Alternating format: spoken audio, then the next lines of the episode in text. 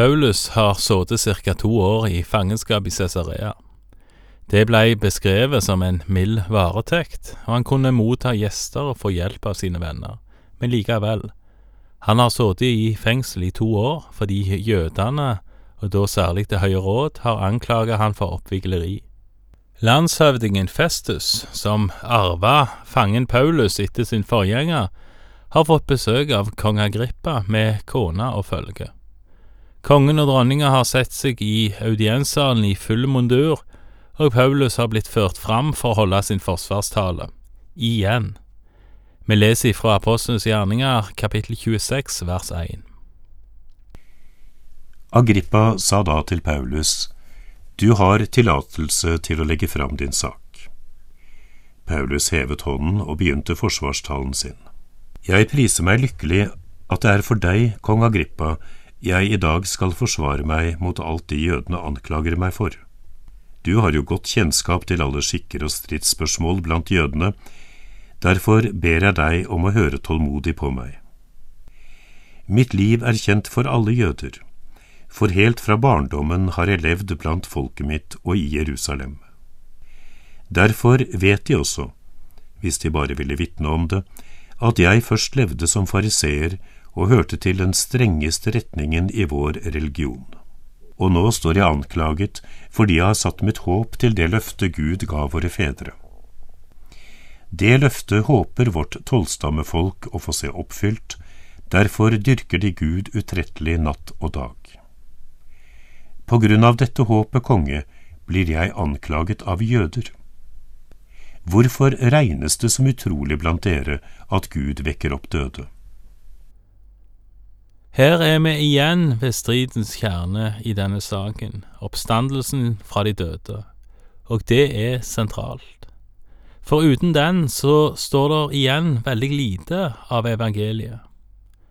Paulus skriver sjøl om dette i romerbrevet, et brev som han trolig skrev mens han var i Korint på vinteren før han i sommeren 58 ca. reiste til Jerusalem. Og leser en i romerbrevet, da kanskje særlig kapittel seks, så ser en hvor sentralt dette med oppstandelsen ifra de døde er. Ikke bare at Jesus sto opp fra de døde, men at alle som er begrava med han, skal stå opp igjen med han. Vi skal lese de første elleve versene fra Romerne seks for å få enda mer innsikt i hva Paulus mente om oppstandelsen fra de døde, og særlig hvorfor oppstandelsen er sentral. Hva skal vi da si? Skal vi fortsette å synde så nåden blir enda større? Slett ikke. Hvordan kan vi som er døde bort fra synden, fremdeles leve i den? Eller vet dere ikke at vi alle som ble døpt til Kristus Jesus, ble døpt til hans død? Vi ble begravet med ham da vi ble døpt med denne dåpen til døden, og som Kristus ble reist opp fra de døde ved sin Fars herlighet, skal også vi vandre i et nytt liv. Har vi vokst sammen med Kristus i en død som er lik hans? skal vi være ett med ham i en oppstandelse som er lik hans. Vi vet at vårt gamle menneske ble korsfestet med ham, for at den kroppen som er underlagt synden, skulle tilintetgjøres, og vi ikke lenger skulle være slaver under synden. For den som er død, er befridd fra synden. Er vi døde med Kristus, tror vi at vi også skal leve med ham. Vi vet jo at når Kristus er oppreist fra de døde, så dør han ikke mer. Døden har ikke lenger makt over ham. For døden han døde, den døde han for synden, en gang for alle, men livet han lever, det lever han for Gud. På samme måte skal dere regne dere som døde fra synden, men som levende for Gud i Kristus Jesus. Som Paulus skriver, Jesu død befrir fra synd, og med å få del i hans død blir vi kvitt vår synd.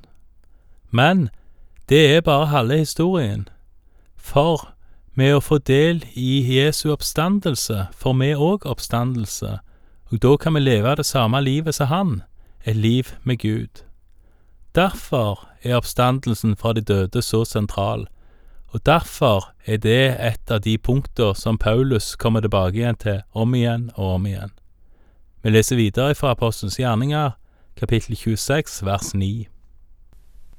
Jeg mente selv en gang at det var en plikt å sette alt inn på å bekjempe nasareeren Jesu navn. Det gjorde jeg også i Jerusalem. Jeg fikk fullmakt fra overprestene og kastet mange av de hellige i fengsel, og var det snakk om å henrette dem, stemte jeg for.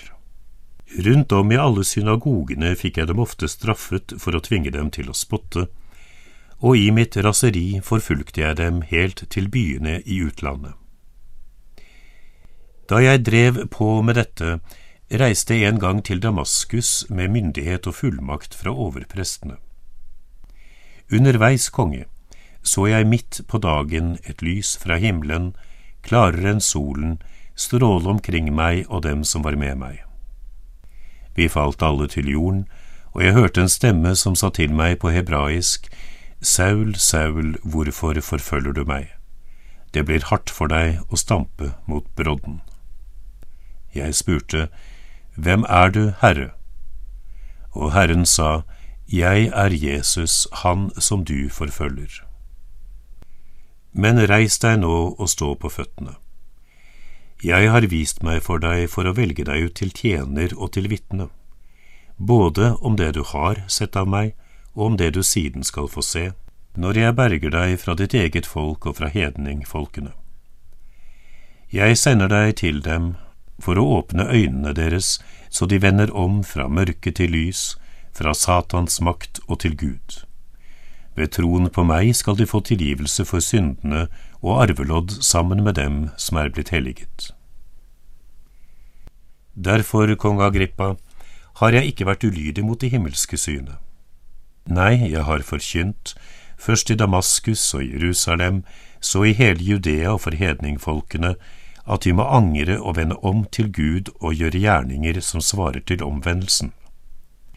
Dette er grunnen til at jødene grep meg i tempelet og forsøkte å drepe meg.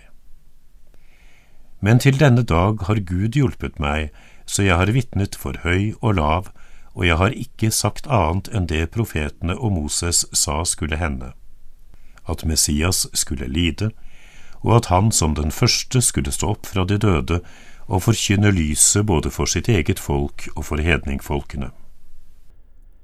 Igjen så leser vi at Paulus forkynner radikalt, men at han mener at han ikke forkynner noe annet enn det profetene og Moses allerede har forutsagt. Igjen så ser vi at det er et hovedtema i apostlenes gjerninger, at det budskapet om Jesus ikke er noe nytt i forhold til hva jødene trodde, men en oppfyllelse av det jødene trodde, nemlig at Jesus er den Messias som de venta. Men, som vi òg har sett før, radikal forkynnelse fører ofte til reaksjoner, kraftige reaksjoner. Vi leser videre fra vers 24. Da han kom til dette punktet i forsvarstalen, ropte Festus høyt, Du er fra sans og samling, Paulus, all lærdommen din driver deg fra forstanden.